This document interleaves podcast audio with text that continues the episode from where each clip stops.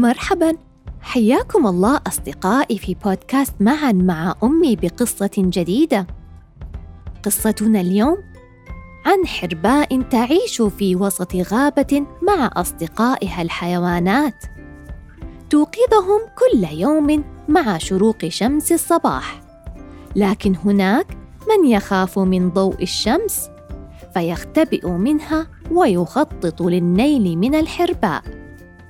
فهل سينجح في ذلك يا ترى؟ لنستمع لأحداث القصة. خفافيش الليل وحرباء النهار. كان يا مكان في سالف العصر والأوان في أحد غابات بلاد الشرق. تسكن جميع الحيوانات مع بعضها في سعادة وهناء. كانت الحرباء تستيقظ كل صباح على نور الشمس استعدادا ليوم جديد. مسرعة تتسلق أعلى شجرة في الغابة حتى تتأمل شروق الشمس التي تطل من خلف الجبل الكبير. وحين يسطع قرص الشمس الدافئ تستيقظ جميع الحيوانات لبدء يوم جديد وتعود الحرباء إلى أسفل الشجرة. لتلقي التحية الصباحية على أصدقائها الحيوانات. صباح الخير جميعاً. أشرقت شمس الغابة. مشت الحرباء في الغابة فوجدت الفيل بجانب الشجرة. يعلم صغيره الدغفل كيف يلتقط طعامه بخرطومه الطويل.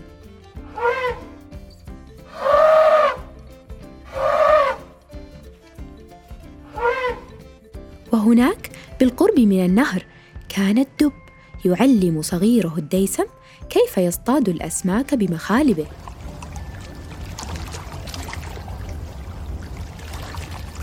وعند التلة كان الأسد يعلم صغيره الشبل كيف يزأر بصوت عال.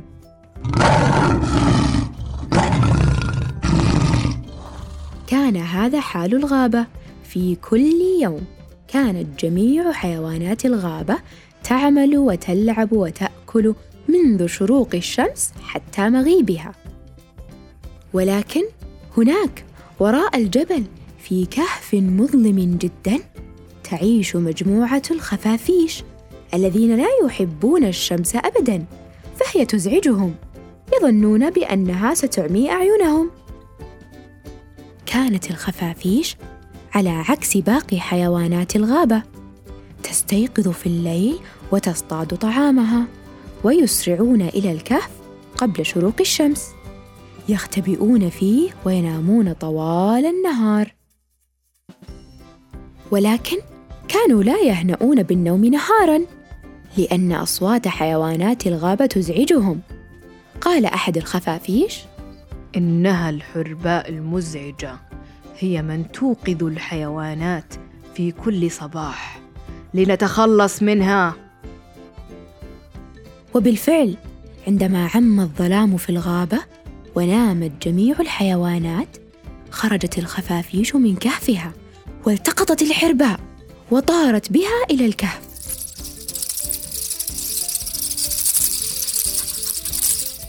وقرروا معاقبة الحرباء بأكثر شيء يخافون منه.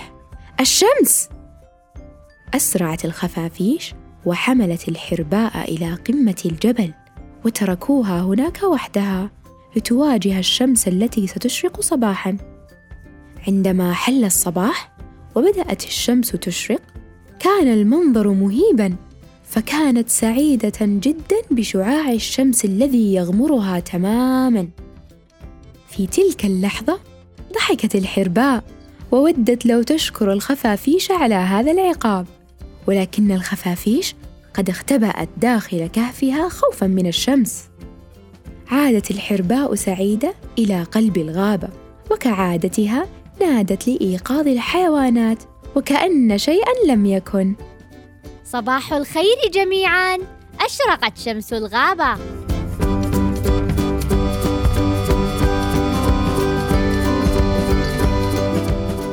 أصدقائي بعد سماعنا لحكاية الحرباء أحضر ورقتين واحدة سوداء وأخرى بيضاء ولنصنف مع ماما الحيوانات بحسب وقت نشاطها. على الورقة البيضاء نفكر ونرسم الحيوانات التي تنشط في النهار مثل الحرباء. وعلى الورقة السوداء نفكر ونرسم الحيوانات التي تنشط في الليل مثل الخفاش. ولا ننسى ما اعتدنا على فعله. هيا فلنحضن أنفسنا ونردد. أنا مميز. أنا ذكي. أحب نفسي.